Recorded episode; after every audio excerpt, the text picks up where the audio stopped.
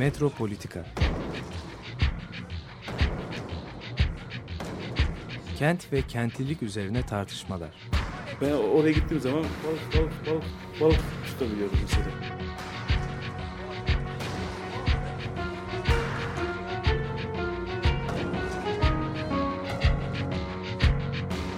Hazırlayıp sunanlar Aysin Türkmen, Korhan Gümüş ve Murat Güvenç. Takusuyor yani. kolay kolay boşaltamadılar. Yani elektrikçiler terk etmedi Perşembe Pazarı merkezini. Merhabalar değerli Açık Radyo dinleyicileri. Ben Korhan Gümüş. Murat Güvenç'le birlikte programa başladık Metropolitika'ya.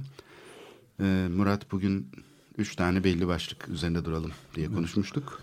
Bunlardan bir tanesi aslında Beyoğlu'ndaki yok edilen modern mimarlık eserleri diyelim. Neler yok edildi şimdiye kadar? Seyfi Arkan'ın ben Ayhan Apartmanı'nı hatırlıyorum talimhanedeki. Seyfi Arkan Cumhuriyet döneminin önemli mimarlarından biri. Ee, bu Florya Köşkü'nün de yani Cumhurbaşkanlığı Köşkü'nün de mimarı. Ee, sonra Rüknettin Güney'in Divan Oteli'ni hatırlıyorum. Yakın tarihlerde yıkılan onun yerine yeni bir inşaat yapıldı. Paolo e, Violi'nin spor ve sergi sarayını hatırlıyorum. Ona da yıkıldı diyebiliriz. Granit kaplı böyle Lütfi Kırdar isimli bir şeye dönüştürüldü. O mimari yapı geniş açıklık geçen bir salonu vardı. Çok amaçlı. İstanbul'un ilk çok amaçlı salonu. Yani Prost'un yaptığı bu gezideki düzenlemeden sonra yani işte e, açık hava tiyatrosu, fuar alanları, şehir tiyatrosu, şehir radyosu, stadyumu ve e, işte bu çok amaçlı salon. O da Paolo Vietti Violi'nin spor ve sergi sarayı binasıydı. Ben çocukluğum orada geçti diyebilirim. Yani buz pateninden e, voleybol karşılaşmasına, sirklere, milli piyango yok şey e, çekilişlerine, e, Basketbol maçları, güreşler. Evet, güreşler. Ee, Doğan kardeşin e, şeyleri, performansları düzenlediği çizerlerle böyle karikatür performansları yapılırdı. E, liseler arası müzik yarışması Milliyet'in ve Hey Başlattı. dergisinin başlattığı. Orada e, sonra liselerin e, liseler arası basketbol ya da ortaokullar liseler Folklor yarışmaları. folklor yarışmaları, e, sava kavgalar, şey kavgası. E, mesela Saint Joseph işte Haydarpaşa Lisesi'ni yenince Haydarpaşalar daha Liseler kalabalık arası, olduğu için e, bizi kovalarlardı ve biz e, Hilton'un mutfağına saklanırdık mesela. Onu hatırlıyorum. Yani e, Spor ve Sergi Sarayı'nın sahiden önemli bir yeri var. Kültür tarihimiz. Kültür tarihimizde o işte bir e, şimdi bir piyasa e, kuruluşuna dönüştü. Kamu alanı olmaktan çıktı ve özelleştirildi ama aynı zamanda da e, yıkıl, gelir getiriyor. yıkılmış oldu. Gelir getiriyor. Evet, şimdi kiralamak mümkün. İsterseniz 10 bin dolar verip kiralayabiliyorsunuz. Geçmişte bedava kullanılıyordu. Özellikle çevre etkinlikleri bile orada oluyordu. Şimdi bunlardan hiçbiri yok. Ama hani sırada bekleyen bir de AKM var. O da yok edilmek için sırasını bekliyor. Ee, kendi kendine yıkılması bekleniyor ama pek kendi kendine yıkılmadığı için 100 yıl sürer. Çünkü kendi kendine yıkılsa belki 500 yıl sürer. Onun için orada biraz gayretler de olduğunu duyduk. Arkasına kamyon yanaştırılıp hurdacılar için boşaltıyormuş falan filan. O güzelim demir Hafif, hafifletiyorlar. Evet binanın biraz hafifletilmesi. Me- Özellikle kıyım, pahada e, yüksek kısımları yalnız gidiyormuş. Mesela o demir merdiven o bir sanat eseridir.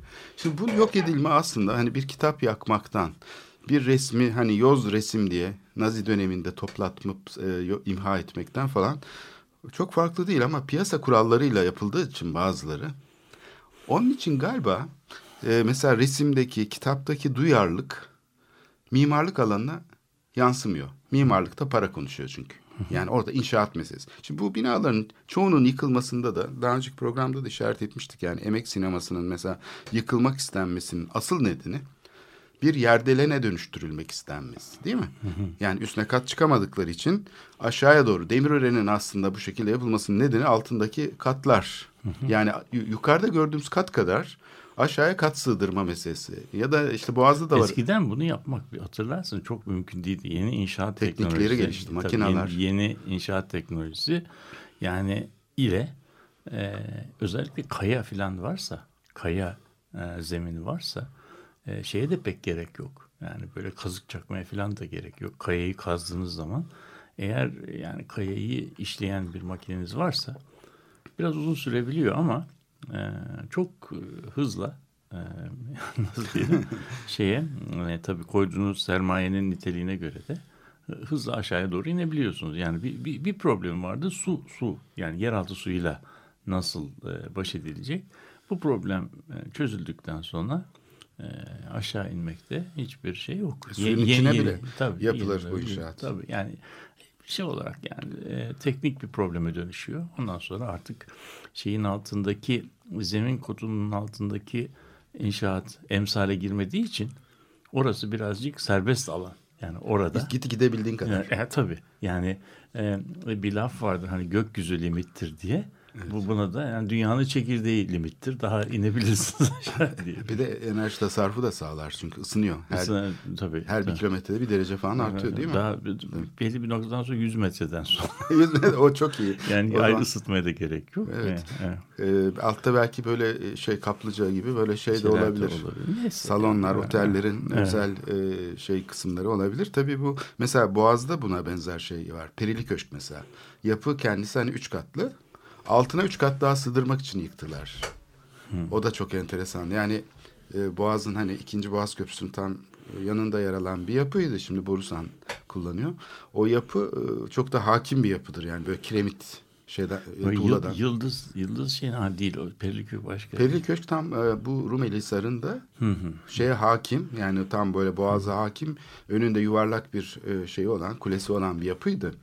Neyse İstanbul'un yatı yapılarıyla bitiremeyiz. O yapı e, bir gün koruma amacıyla yıkıldı. Altına da 3-4 kat sığdırdılar. E, baktık ki boğazda böyle bir şey mümkünmüş.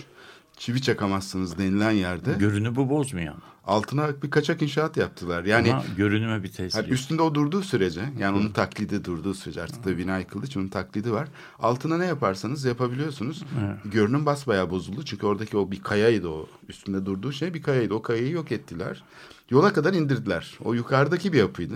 Yapı yukarıdan aşağıya indi. Yani böylece asansör e, giriş katından hemen yukarı ulaşılabilir oldu. Artık yol kenarı yapısı oldu. Evet. Yol üstündeyken yol kenarı yapısı oldu. Şimdi sıra şeye geldi Barohan'a. 60'lı yılların e, modern yapılarından biri İstiklal Caddesi'ndeki. E, bu yapı yakın zamanlarda yok edildi. Aniden yıkılıverdi. Ve kazı devam ediyor şu anda hafriyat. Yani altına gene yedi kat falan herhalde iniyorlar. O inişler sırasında Esas paranın kazanılacağı yer orada zaten. Evet. Toprağın karşılığında hacim elde ediyorsun. Yani toprağın metrekübü diyelim şu kadar. Hani üst üste koyarsan 3 metreküp yapar. Bir, ama bir metrekarenin e, değeri e, 10 bin euro falan. Daha fazla hatta istiklalde. Hele alt katsa. Dolayısıyla yani bir toprağın 3 metrekübünü e, 20 bin euro diyelim. 20 bin euroya satın almış oluyorsun. Bundan daha iyi bir ticaret olabilir mi? Toprağın kilosu kaç para ki? Yani onu taşıtıyorsun ve o değeri elde ediyorsun. Şimdi Baroa'nın e, ilginç bir şekilde tabii Beyoğlu'nda inşaat yapmak öyle kolay değil. Mesela Demirören'i hatırlayalım. Uzun süre işte şey tartışması oldu. Beyoğlu'na işte e, bir mimar eli değecek. Birçok arkadaşımız böyle diyordu. Mimarın eli değiyor istiklale. Efendim neydi işte daha önceki yapılar eklektik yapılar, o şeyler yapılar. Bu, bu yapı işte günümüzün şeyine uygun olacak, mimarisine falan. Ben de diyordum ki hayal yani bu şeyle, yönetimle, bu koruma kurullarıyla falan. Bu bir hoş bir hayal diyordum yani böyle güzel iddialar. Haklı oldum. Üzüldüm haklı çıktığıma da. O zaman diyordum ki yani bunu yapmanız mümkün değil. Çünkü işte açıklamalar ortada. Beyoğlu'ndaki ba- binalar neo-barok olacak ya da bir şey olacak deniyordu ya hep böyle işte. O taklit binaları şey zannediyorlar, tarihi zannediyorlar. Halbuki onlar modern binalar. Onun üzerinden koskoca bir şey geçmiş. Yani güncel sanat ve mimarlık alanında muazzam bir sorgulayıcı felsefi bir altyapı oluşmuş ve ondan sonra bu eklektik yapılar dönüşmüş. Şimdi Barohan da bunun örneklerinden biriydi aslında ve işte İstanbul Barosu'nun binası. E, bu yok edildi ve buraya e, Taksim'de kışla yapmak isteyen mimar, tabii bu tip binalar artık o tip mimarların elinden geçiyor. Çünkü bunu, bunları yapabilmek için bu tip aracılık işlerine yatkın olmak gerekiyor. Yani piyasa işleri böyle yürüyor. Beyoğlu'nda dikkat edersen birçok yani turizm yapısı, otel falan bunların hepsi böyle pasta gibi. Yani margarin kaplanmış pastalar gibi aynı tipte yapılmaya başlandı. İşte eski böyle bir şeye özenti. Genellikle işte süslü demir parmaklıkları olan ezme ferforjeli böyle üstü ezmeli falan yapılar. Şimdi e, plana baktığımız zaman da hani şu iptal edilen geçen sene koruma amaçlı imar planına bunda da Beyoğlu'nda yüzlerce yapının ihyası var. Hani eskiden koruma planları mevcudu korumayı hedeflerdi. Şimdi koruma planlarının hedefi değişti. E, tarihi inşa etmeye çalışıyor. Aslında çok büyük bir farklılık yok bir bakıma. Hani 87'li yıllarda Galata yıkımlarına biz itiraz ettiğimizde belediye şey demişti belediye başkanı. Bunlar bizim ecdadımızın eseri değil. Dolayısıyla rahatlıkla yıkılabilir. Yani yani böyle ayrımcılık üstüne kurulmuş bir kültürel miras kavramı içinde yaşıyoruz. Bunun farkındayız veya değiliz. Hani AKM'yi tartışıyoruz. Ee, diyelim ki belediye gazinosunu tartışıyoruz. Gezi'deki yok edilen gene önemli bir yapıyı. İşte şeyi konuşuyoruz şimdi Barohan'ı. E, Narmanlı Han'ı konuşuyoruz falan ama bu ayrımcılığı yani mesela yayıncılıktaki, sanattaki ayrımcılık e, çok fazla ön planda değil ama mimarlıkta sanki dokunulmamış bir alan gibi karşımızda ve buram buram şey kokuyor yani ayrımcılık kokuyor mimarlık Türkiye'de. Kültürel miras konusu özellikle. Bu bana ilginç geliyor. Yani mesela bunu yayıncılık konusunda böyle bir şey yapılsa, kitaplar yasaklansa falan, e, kitap e, yazarlar ayağa kalkar. Yani nasıl olur ya da yok edilse, yakılsa değil mi? Mimarlıkta pek olmuyor. Yani kimsenin sesi çıkmıyor. Bu ekmek parası iş olarak algılandığı için herhalde bunun ifade özgürlükleriyle ilgili bir konu olduğunu ya da bir düşünce şeyi ürünü olduğunu mimarlığın galiba fark etmiyoruz. Yani tüketilecek bir nesne yani nasıl patates nasıl işte kilosu şu kadar tüketiliyor. İnşaat da öyle bir şey yani sonuçta. Buradaki kültür meselesi yani kültürün arkasındaki problematik bunun e, şeyle ilişkisi, siyasetle ilişkisi, bizim e, özgürlüklerimizle olan ilişkisi, yaşam çevremizin nesneleştirildiği için burada ciddi bir şey var. Mekanın e, metalaştırılması diyelim buna. Mekan basit bir meta olarak görülüyor ve burada da e, bu ideoloji yani bir kutsal bagaj gibi yukarıdan hiç tartışmasız bir şekilde belirliyor. Çünkü bir politik şey yok, vasfı yok mekanın diyebiliriz. Bir bu konu vardı. E, ikinci konu bu şeydeki işte MIPIM meselesi var. Epey zaman oldu tartışılıyor e, bu şeyde. Basında da yer aldı. Basında genellikle tabii olumlu bir şekilde yer alıyor. Bu. Uluslararası Mimarlık ve Şehircilik Fuarı değil mi? Evet. Fransa'nın Cannes kentinde. Cannes kentinde zaten herkes bilir. Yani festivalleriyle Festival ünlü şehir. 93 ülkeden 500 yatırımcının katıldığı, 20 bin ziyaretçinin şey yaptı, izlediği bir fuar. Gayrimenkul fuar. Şimdi bu fuarın açılışında işte e, şey denmişti. Nasıl Nuri Bilge Ceylan film festivalinde bizi burada temsil ediyor. Görkemli filmleriyle. E, biz de e, inşaat alanında görkemli katılımcısıyız bu fuarın denmişti basın toplantısında. E, bu sözler de tabii pek tartışılmadı. Hani mesela sinema şeyiyle bu kurulan paralellik. Hı hı. Aslında fuarlar böyle bir şey işte. Kitap fuarlarında da genellikle işte yazarlar katılıyorlar. Tartışıyorlar. İmzalıyorlar. İmzalıyorlar. Konferanslar oluyor. Sinema şeyinde de böyle. Festivalleri de böyle. Aslında pek itiraz etmemek lazım. Yani MİPİM'e de işte mimarlar katılmış ve orada oturmuşlar, konuşmuşlar. Mimarlığın halleri üzerine konuşmuşlar. Ama Şimdi burada iki tür sermaye var. Yani bir parasal sermaye var. Dünyada dolaşan. Orası da bir şey merkezi. Yani kuşların konduğu bir merkez. Ee, orada su var, şey içecek var. Oradan beslenip tekrar uçacak o sermaye. Bir parasal sermaye var. Volatil bir şekilde dolaşıyor. Orası da yakalamak için bir yer. Bu kuşları. Kafese koymak için diyelim. Kim kimi kandırıyor orası belli değil tabii. Mimarlar da oraya konan ne diyelim e, kuşları yem, çekmek yem, için yem, yem diye diyebiliriz. Ee, ama o da bir sermaye tabii. tabii. Mimarlık da işte da deneyim gerektiriyor, sermaye. uğraş gerektiriyor, eğitim isim, gerektiriyor. İsim, marka. Marka oluşturmak. Rekabet, çok zorlu bir rekabet ortamı var. Tıpkı yazarların, sinemacıların arasında olduğu evet. gibi mimarlık alanında da e, yetenekleriyle, düşünce ufuklarıyla, yaratıcılıklarıyla oluşturdukları birikimle değil mi? Müthiş bir rekabet var kendi aralarında. Bu zorlu rekabet ortamında e, böyle ortak işler yapıyorlar mimarlarda tıpkı gayrimenkul yatırımcıları gibi. Bu açıdan aslında pek kategorik bir ayrım yok yani bir kitap fuarıyla bir gayrimenkul fuarı arasında. Bir tek şurada bir problem var. Ee, şeyin piyasa gereklerine göre mimarların hareket etmesi. Yani burada kitap fuarında mesela böyle şeyler olabilir. Hani çok satan kitaplar oluyor. Ah bu para ediyor bu kitaptan daha basa çevirelim diyorlar. Genellikle sağlıkla ilgili kitaplarda oluyor.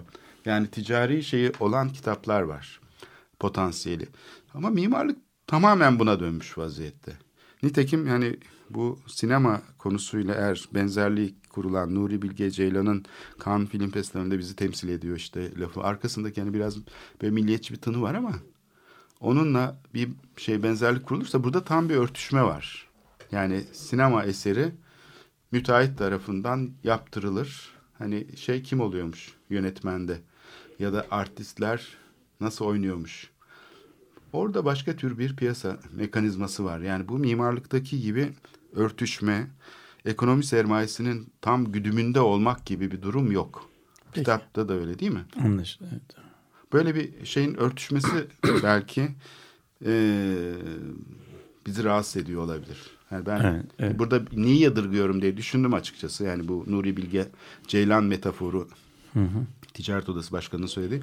Burada beni rahatsız eden şey nedir diye düşününce bu örtüşmenin yani iki sermaye türünün ekonomi sermayesiyle sembolik sermayenin bu şekilde aynı şeymiş gibi kabul edilmesi beni biraz yadırgattı. Bunu bunu tartışalım ikinci bölümümüzde. Bu önemli bir soru. Evet. Üçüncü konu. Ha, üçüncü konu, şimdi benim tabii bu e, sınırsız bir konu. Bunu bilmiyorum neresinden tutacağız diye de düşünüyorum.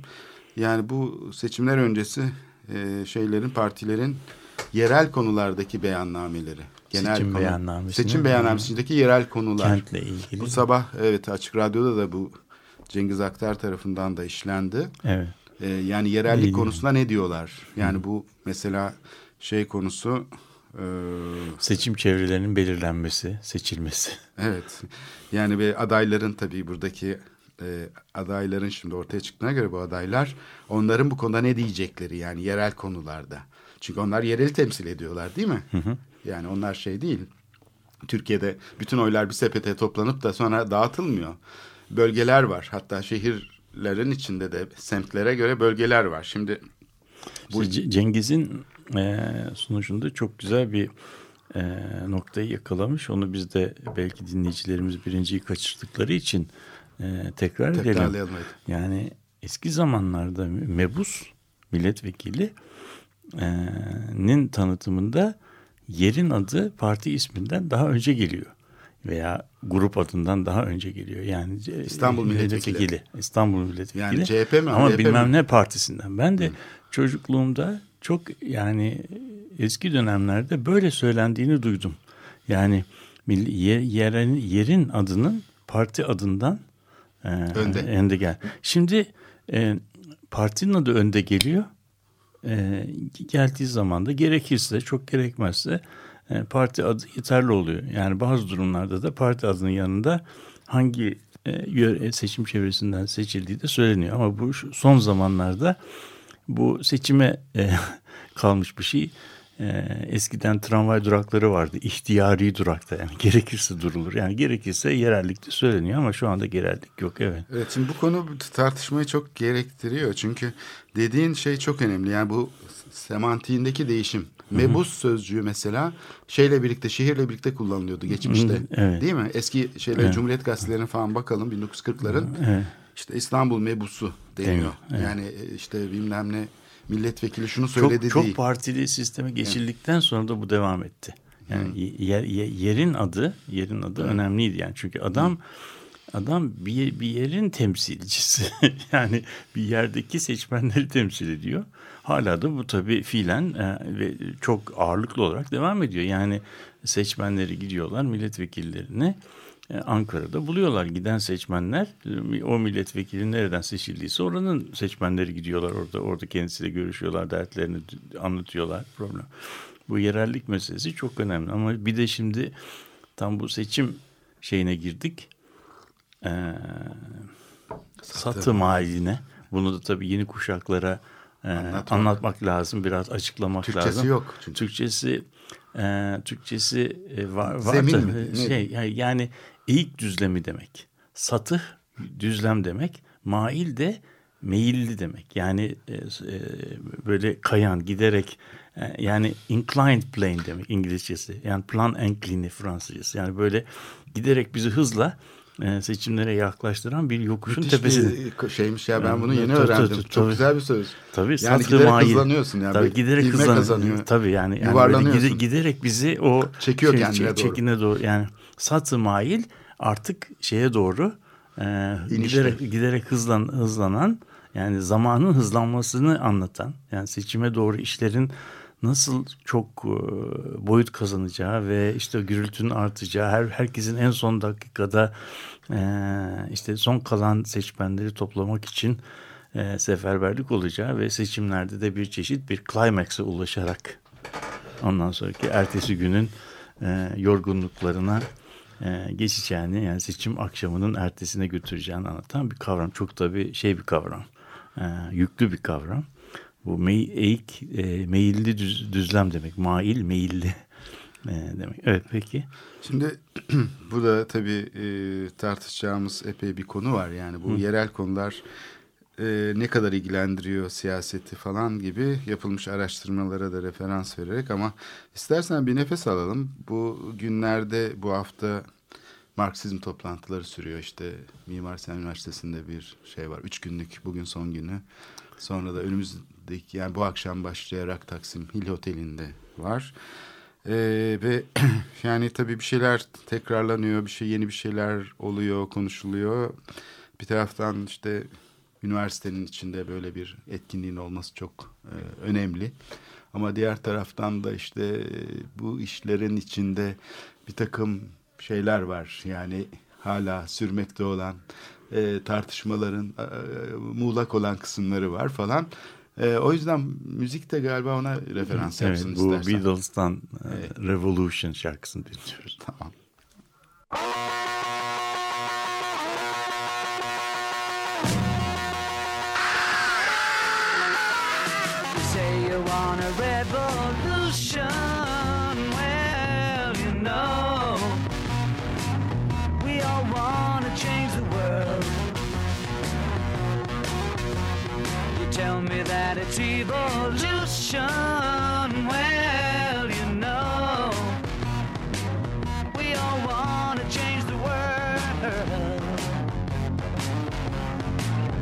When you talk about destruction, don't you know that you can count me out? Don't you know it's gonna be alright? Alright. Alright.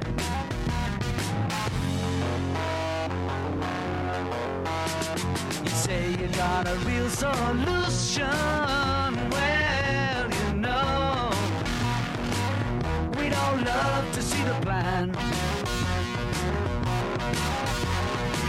Asked me for a contribution. Well, you know, we all do what we can. But if you want money for people with minds that hate, all I can tell you is, brother, you have to wait. You know it's gonna alright. Alright. All right.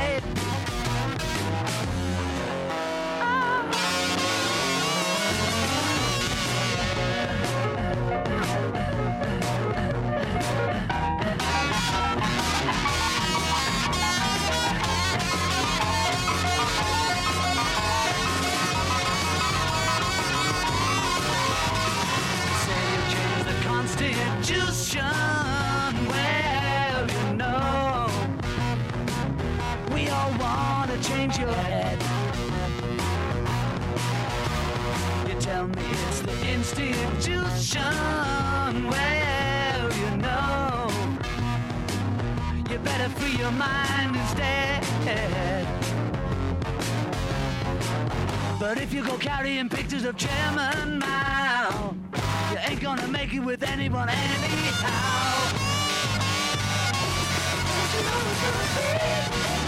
Alright. Alright.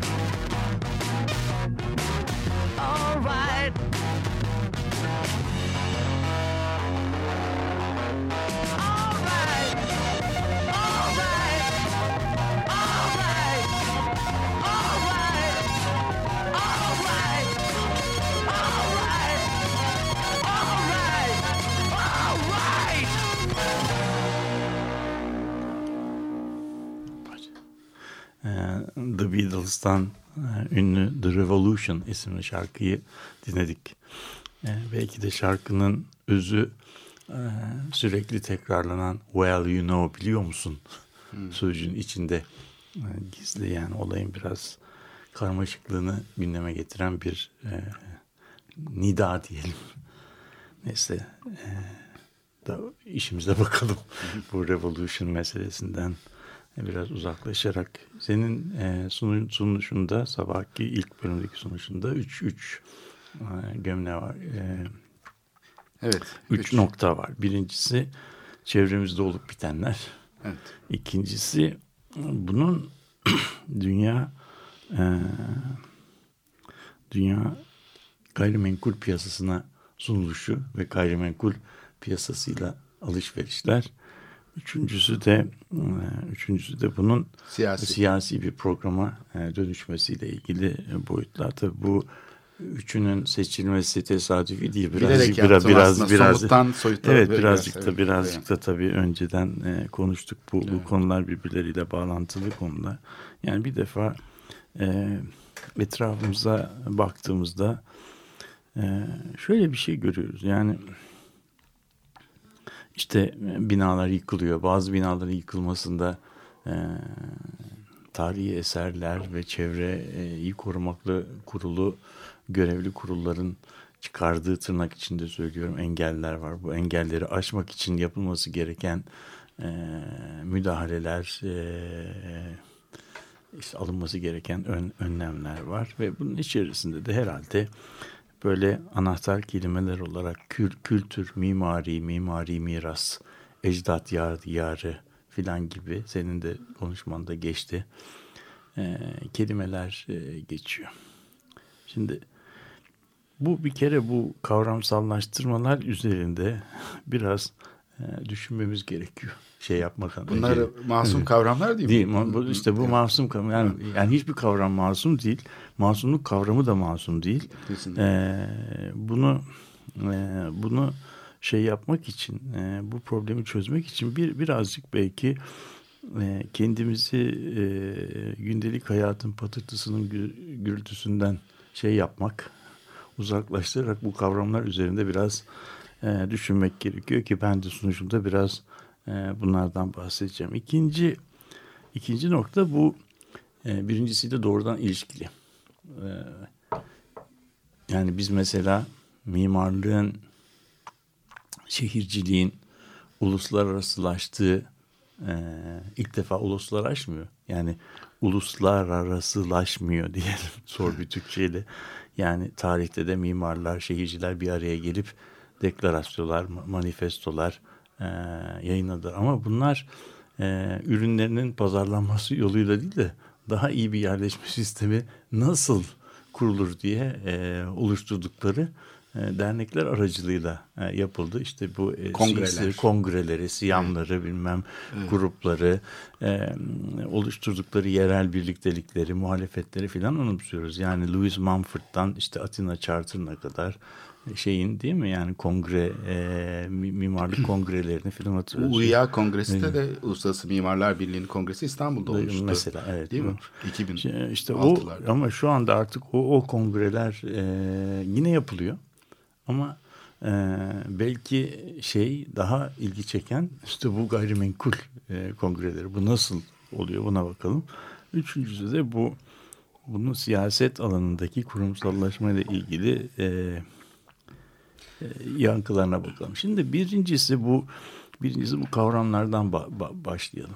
Şimdi ilk ba- ilk e, reaksiyon ya biz neden konuşuyorsun sen neden biz neden bahsediyoruz sen neden konuşuyorsun yani ben mesela bu e, kültür mimari e, koruma ecdat yarigari mi, mimari miras gibi kavramların e,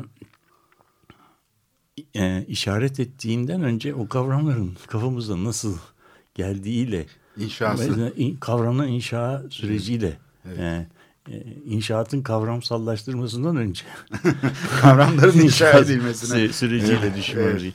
Bu tabii bizi ilk bakışta e, te- araştırma konumuzdan biraz uzaklaştırıyor ama e, bu psikolojide yapılan deneyler var. Bazen problemin e, çözümüne varmak için e, ilk aşamalarda ondan uzaklaşıyor gibi gitmek lazım. Eğer bir dağı dağı aşmanın iki yolu var. Bir tanesi ya tünel kazacaksın ya da etrafından dolaşacaksın. Etrafından dolaşmak biraz daha uzun bir yol ama seni hedefine belki zaman açısından daha hızlı, götüren bir çözüm olabilir. Şimdi bu birincisi e, mimari mirası koruyalım veya korumayalım falan gibi bir tartışma çok kısa zamanda bir kayıkçı kavgasına dönüşüyor. Yani bu kayıkçı kavgasında e, kimsenin e, kazandığı da yok. En sonunda e, bu kavga içinde bizim e, kavramlarımız giderek e, ne oluyor? Araç sallaşıyor problemi çözmek için. Araç sallaşma çok tehlikeli bir hastalık. Bir kavram araç sallaştığı ölçüde e, içeriğini yitiriyor. İçeriğini yitirdikten sonra da artık bir çeşit dolgu malzemesi gibi kullanılmaya başlanıyor. E, neye neyin kastedildiği de unutuluyor. Ondan sonra bir çeşit e, şeyleri, metinleri güzelleştiren kenar süsüne veya e, şeye dönüşüyor. Yani bir kavram, bir metin içinde bu aşina olduğumuz kavramlar geçiyorsa adam bütün söylenmesi gereken şeyleri zaten değinmiş diyoruz. Halbuki değindi mi değinmedi mi onu onlardan da pek farkında değiliz. Şimdi sen konuşmanın başında e, e, spor ve sergi sarayının neler e, ne işlerde kullanıldığını Nasıl yaşadığını, nasıl şehrin yaşadığını şey, nasıl nasıl, katıldığına. katıldığına dair Evet. bir sunuş yaptın. E tabi o ben de onları dinlerken kendi çocukluğumu yaşar gibi oldum. Yani şimdiki biz dinleyenlerin çoğu öyle bir deneyime sahip değiller. Orada bizim bahsettiğimiz e, faaliyetlerin büyük bir kısmı bugün İstanbul'da birbirinden çok farklı özelleştirilmiş mekanlarda yapılıyor. O zaman da böyle bir şey. AVM'lerin içinde. AVM'lerin Ortasında. içerisinde. Yani Evet. basketbol maçları için özel yerler var değil mi? Şeyler için, sergiler için güzel. Yani o tabii bir başka bir dönemin e, başka bir dönemin mekanı. Soru şu. Özür dilerim. Hmm, Bu tür bir e, şeyi, bu tür bir kavramı biz kullandığımız zaman e, nasıl ediniyoruz bu kavramları?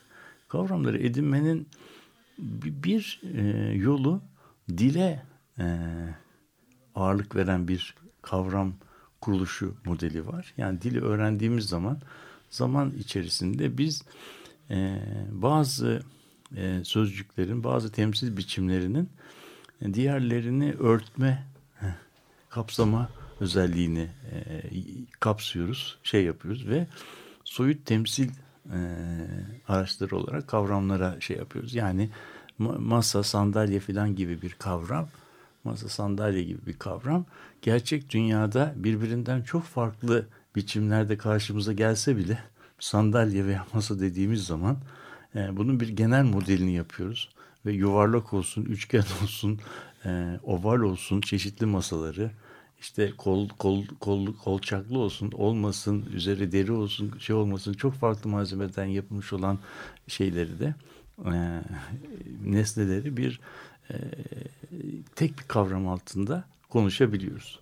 Şimdi bu kavramlar gündelik hayatta bunlara temel kavramlar diyor. İşte iskemle, masa, lamba falan gibi şeyler. Fakat e, bu kavramların da bir sınırı var. Taşıyabildikleri bir sınır var. Daha soyut konuşmak istediğimiz zaman bu kavramların üzerindeki kavramları inşa etmemiz gerekiyor. Yani bu kavramları ve mesela mobilya kavramı gibi bir kavram icat ettiğimiz zaman mobilya masaları, sandalyeleri, sehpaları, dolapları, e, portmantoları aklımıza gelen her şeyi bir mobilya kavramı üzerinde e, şey yapabiliyoruz, örtebiliyoruz. Bu mobilya kavramı taşınabilen yani bir yerden bir yere e, taşınabilen evin refahına katkıda bulunan bir nesneye dönüşüyor. Bu tür kavramlara bilim felsefesinde süper ordinate deniyor. Yani e, çok yüksek düzeyde bir kavram, mobilya kavramı. Şeye kıyaslarsak. Sandalyeye e, sandalye. Şimdi kültür kavramı da, tarihi miras kavramı da, mimari kavram da gerçek dünyada bir karşılıkları olan fakat o karşılıkların üzerinde yapılmış olan genellemeler oluyor. Şimdi o zaman biz bir şehirde, şehirdeki kültür mirası dediğimiz zaman e, hem oradaki miras hem de o kültür kavramı çok genel kavramlar. Ve onu onu söylediğimiz zaman tam işaret ettiğimizin ne olduğunu gözün önüne getirmemiz e, zor. Mobilya kavramını uzmanlar kendi aralarında konuşuyorlar. Anlatabildim mi? Gündelik yaşamda insanlara mobilya de- denildiği zaman e, bu kavram bilinse bile kastedilenin sandalye midir, masa mıdır, e, sehpa mıdır olduğunu e, bilmek mümkün değil. Gayrimenkul de öyle değil mi? Tabii tabii de öyle. Yani- Tıp, tıpkı memeli kavramı kullanıldığı zaman biyolojide acaba ben bir filden mi bahsediyorum, yunus balığından mı bahsediyorum, kediden mi bahsediyorum bu belli değil yani. Şimdi bu, o yüzden bizim bu şehir hayatında kullandığımız kültür, kültür mirası falan gibi kavramların bir kere çok soyut kavramlar olduğunu e, düşünmemiz lazım ve bu kavramları kullandığımız zaman bunun yani gündelik hayatta insanlara uzmanları bir tarafa bırakırsak gündelik hayatta yaşayan insanlara bunun çok çok büyük bir e, anlam ifade ettiğini etmediğini teslim etmeliyiz. Kültür kavramının e, etimolojisine girildiği zaman aşağı yukarı 100-140 çeşit değişik e, şey işaret edebildiği alt e, tanımının olduğunu görebiliyoruz. Yani kültür nedir? diye. Mesela güzel sanatlar olabiliyor, bilgi oluyor, rafinman oluyor, agrikültür oluyor. Burada e, şöyle bir şey yapabilir miyiz? Demin e, sembolik sermayeden söz ettik. Şimdi bir kunduracının e, yaptığı ayakkabı yapma bilgisi yani bu deneyimi de bir sermayedir. Tabii, Ustasından tabii, öğrenir. tabii. Kendi hayatı boyunca emek verir Evet, evet. ve yaptığı şeyi öğrene öğrene. pra- pratik bu bir, bir- deneyimdir ama bu bu sermaye türü e, şeyi kontrol etmez. Başka pratikleri. Yani keman çalan bir insan da öyle. Çok güzel keman çalar ama gidip de bu virtüözitesiyle başka emek şeyleri üzerinde, süreçleri üzerinde hiyerarşi kurmaz. Kültür öyle değil. Kültür gösterdiği tarafta yani temsil Tabii. eden tarafında sermaye birikimi yaratan bir kavram. Tabii. Temsil edileni ise hiçleştiren bir kavram. tabii. Yani Aynen, aynen. eğer burada bir üst dil oluşuyorsa kültür ile burada aslında bir şiddet de olabiliyor. Bu, Tabii tabii. işte bu, bu o zaman e, şimdi bu demin gösterdiğin virtüözite e, veya bir e, beceriye dayalı olan bir e, şey e, sermaye performatif bir sermaye. Yapıldığı anda e, hayatı geçiyor, birikmiyor. Evet. Metalaşmıyor. Anlatabiliyor muyum? Halbuki bu kültür kavramı içinden boşaltılıp bir çeşit yaftaya dönüştürülüyorsa e, dilde, dil gündelik dilde e, bazı şeyleri diğerlerinden ayıran, bir biçimden ayıran e, sihirli bir perde, perdeleme işlemi görüyor. Ondan sonra yani peki sonuçta ne oluyor? O zaman senin e, sunuşunda e, sahtesini yapmanın çok kolay olduğu bir kültürel ürüne dönüşüyor. Yani eski zaman yapıları gibi görünen bir e, fasada, bir cepheye sahip olan bir binayı yeniden yapıp da e, üzerini boyadığımız zaman arkasında olup biten bir yerde göz ardı edilmiş oluyor ve de deniyor ki yani işte eskiden burada berbat bir bina vardı temizledik aynısından bir tane de yaptık bunun nesi yanlış bu kavramın içerisindeki yani bu e, önermenin içerisindeki yanlışları e, saymaya zamanımız yetmez.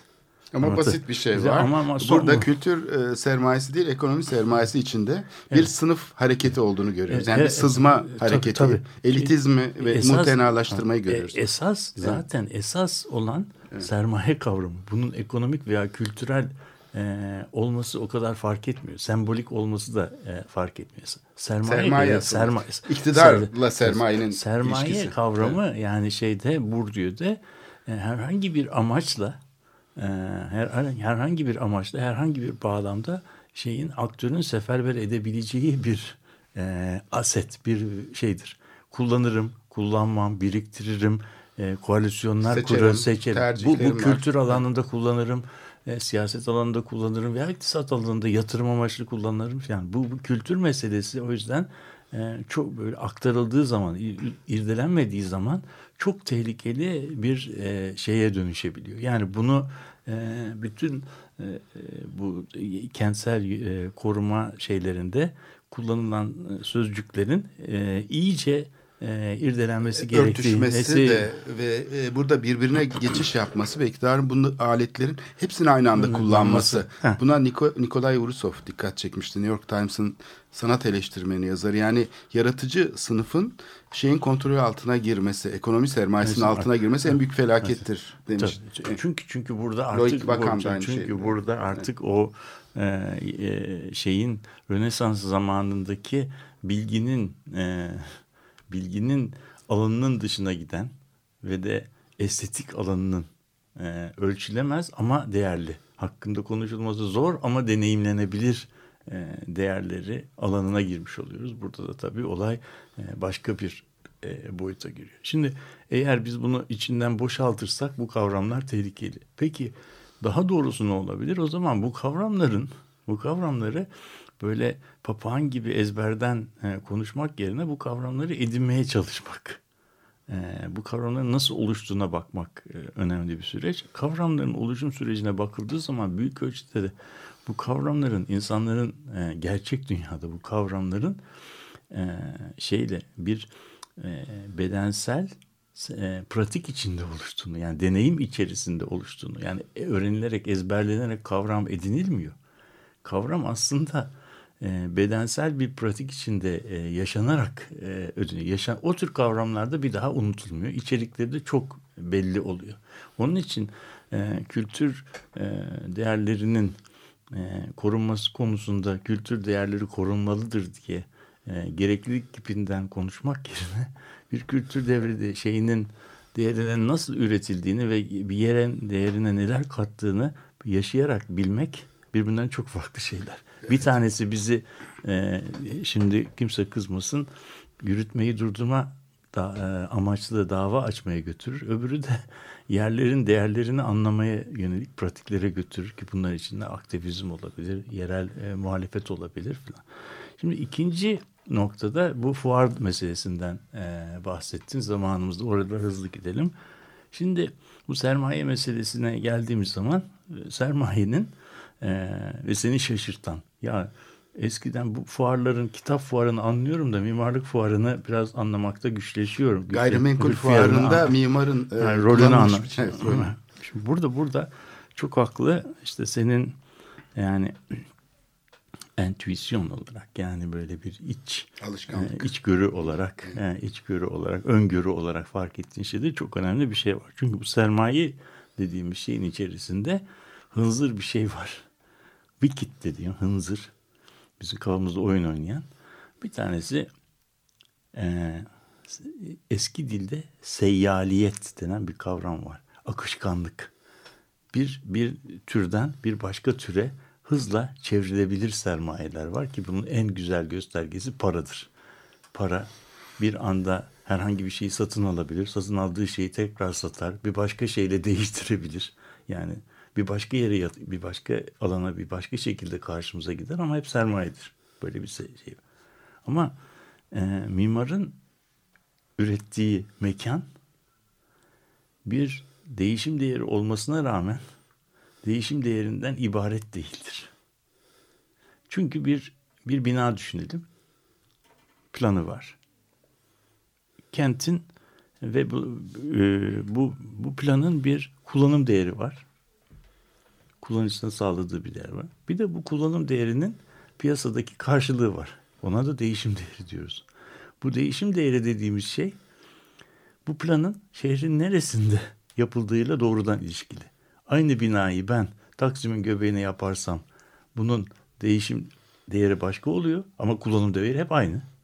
Götürüp bu binayı Haymana Ovası'nın herhangi bir yerine yaparsam onun kullanım değeri yine aynı fakat değişim değeri farklı oluyor. Peki mimarlık ürününün kullanım değeri sabitken değişim değerini farklılaştıran şey nedir? Onun mekan üzerinde e, konulanmış olmasıdır. Mekan ise mimarın ürettiği bir şey değil. Toplumun bütün yatırımlarının bir bileşkesi olduğudur. Onun için mimarlık ürününün, şehircilik ürününün katkısının değeri, piyasadaki değeri aslında mimarın, müteahhitin ürettiği şeyden ibaret değil. Onun üzerine binen bütün bir toplumsal değerler sistemin içinde anlam kazanıyor. Şimdi o zaman ben e, şeye e, piyasaya bir mimarlık ürününü, bir şehircilik ürününü, bir tasarımı, bir projeyi sunduğum zaman neyi sunmuş oluyorum? A.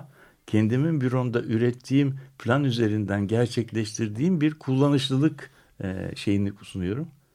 Ama bu yeterli değil. Onu şehrin belli bir yerinde yaparak bunu sunuyorum. Ve yapmadığım bütün yani üretilmiş üretilmesine katkıda bulunmadığım bütün mekansal değerleri de ne yapmış oluyorum? Dolaylı olarak kendi projemin içerisine e, katmış oluyorum. Bu, dur- bu durumda bir bir yazar veya bir film yönetmeni veya bir ne bileyim otomobil fabrikası kendi ürününü e, bir e, bir fuarda gösterime e, yani piyasaya sunduğu zaman veya tanıtmaya kalktığı zaman yüzde 99'unu kendisinin ürettiği bir ürünü e, sunmuş oluyor. Ama gayrimenkul fiyat, fuarlarında satışa çıkarılan şey sizin üret- ürettiğiniz ürünün yanı sıra sizin üretmediğimiz bütün bir değerler sistemi de sizin fiyat sisteminizin içine girmiş oluyor. Burasını anlatabildim mi? Evet, yani yani- öyle olduğu zaman, öyle olduğu zaman insanları şaşırtan bir etik problem ortaya çıkmış oluyor. Yani gayrimenkul fuarında sergilenen şey acaba şirketin yaptığı mıdır? Yoksa ona değer kazandıran, anlam kazandıran e, nesne Çevre midir? Çevre midir? Çevre dediğimiz zaman da o zaman hiç karşılığı ödenmemiş bütün bir toplumsal sermayenin tamamı sizin projeniz içinde fiyatlandırılmış oluyor. Bu da tabii insanlar üzerinde bir e, şey yapıyor, bir e, şaşırtıcı etki yapıyor. Ee, bir ilkel bir kim dönemine geri döner gibi oluyoruz. evet, Çünkü tabii. yani Tabii. doğanın yani canlıların ve cansızların yağmalanması, mimarlık yoluyla yağmalanması diyelim.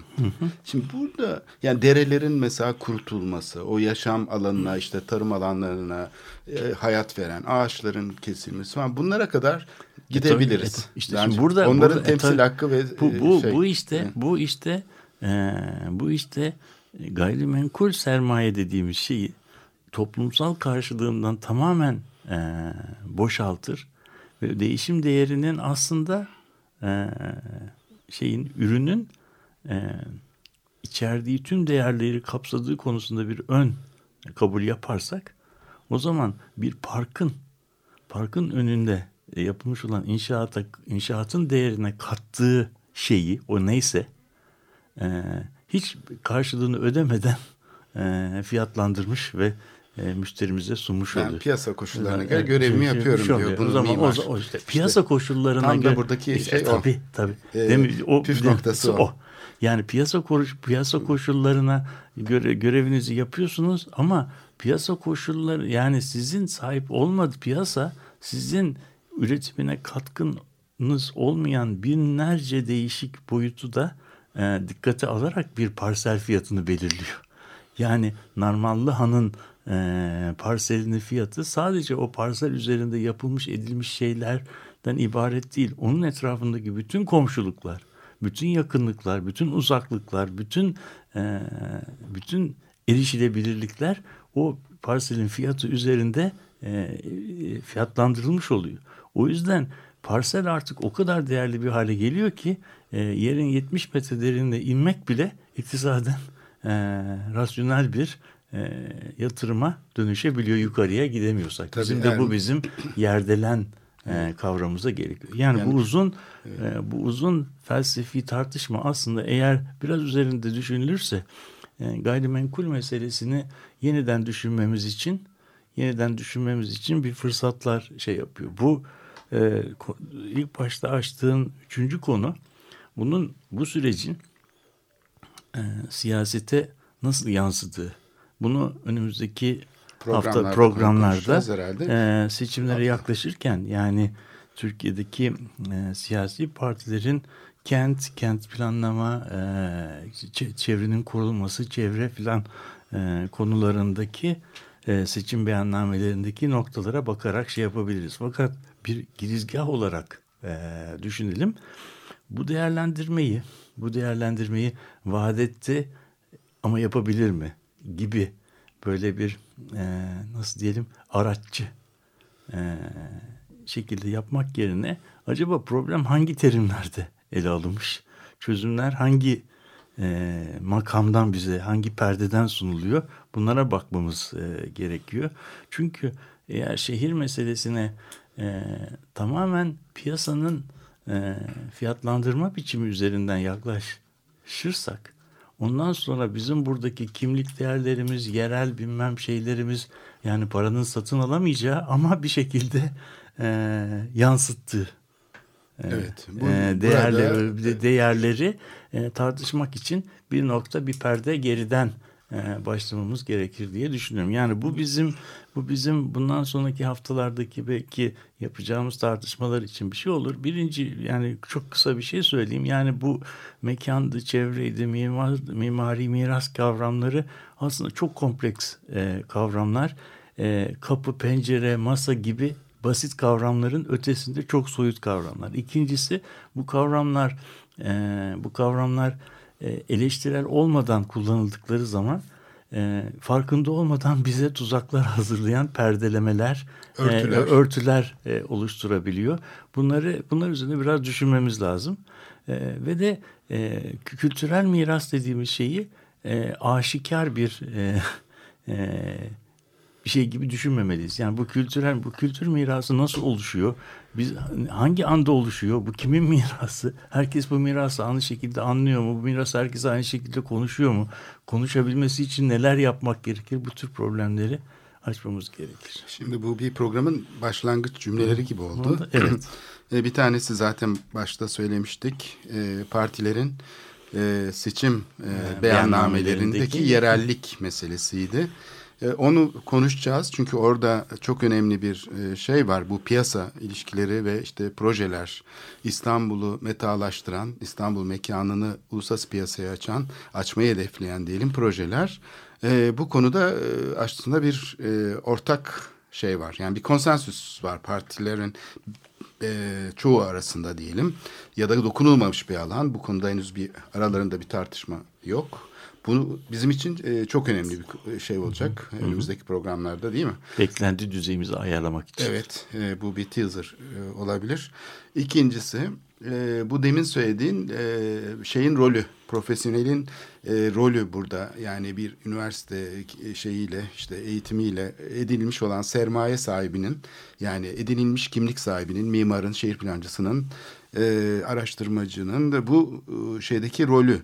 Yani piyasa koşullarına uyarak acaba sinik bir rolle yani gene Bourdieu referansıyla e, ben bu koşulları alır kullanırım kendim için mi demeli yoksa başka ne yapabilir? Yani örtüyü kaldırmak için hani güncel sanat güncel mimarlık vesaire gibi şeylerin arkasındaki itici şeyin e, kavramın Ne e, olabileceğini. temsil meselesinin e, sorgulanması. Bu, bu bu iki konu yani siyaset ve entelektüelin işlevi meselesi herhalde e, bu Önümüzdeki seçim programı beyannameleri e, nedeniyle gündemimizde de olacak. Biz gündemimizi böyle tayin etmiş olduk. Evet biz de böylece sürmekte olan konferansı da bir şekilde paralel bir e, şey yapmış olduk. Çünkü bütün bu şehirde yaşadığımız gelişmeler aslında e, Konuşuluyor. evet bir şeyin semptomu.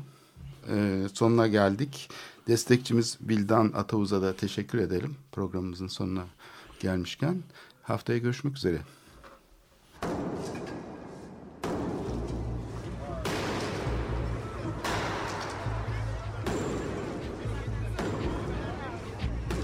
Metropolitika Kent ve kentlilik üzerine tartışmalar. Ben oraya gittiğim zaman balık balık balık balık tutabiliyorum mesela.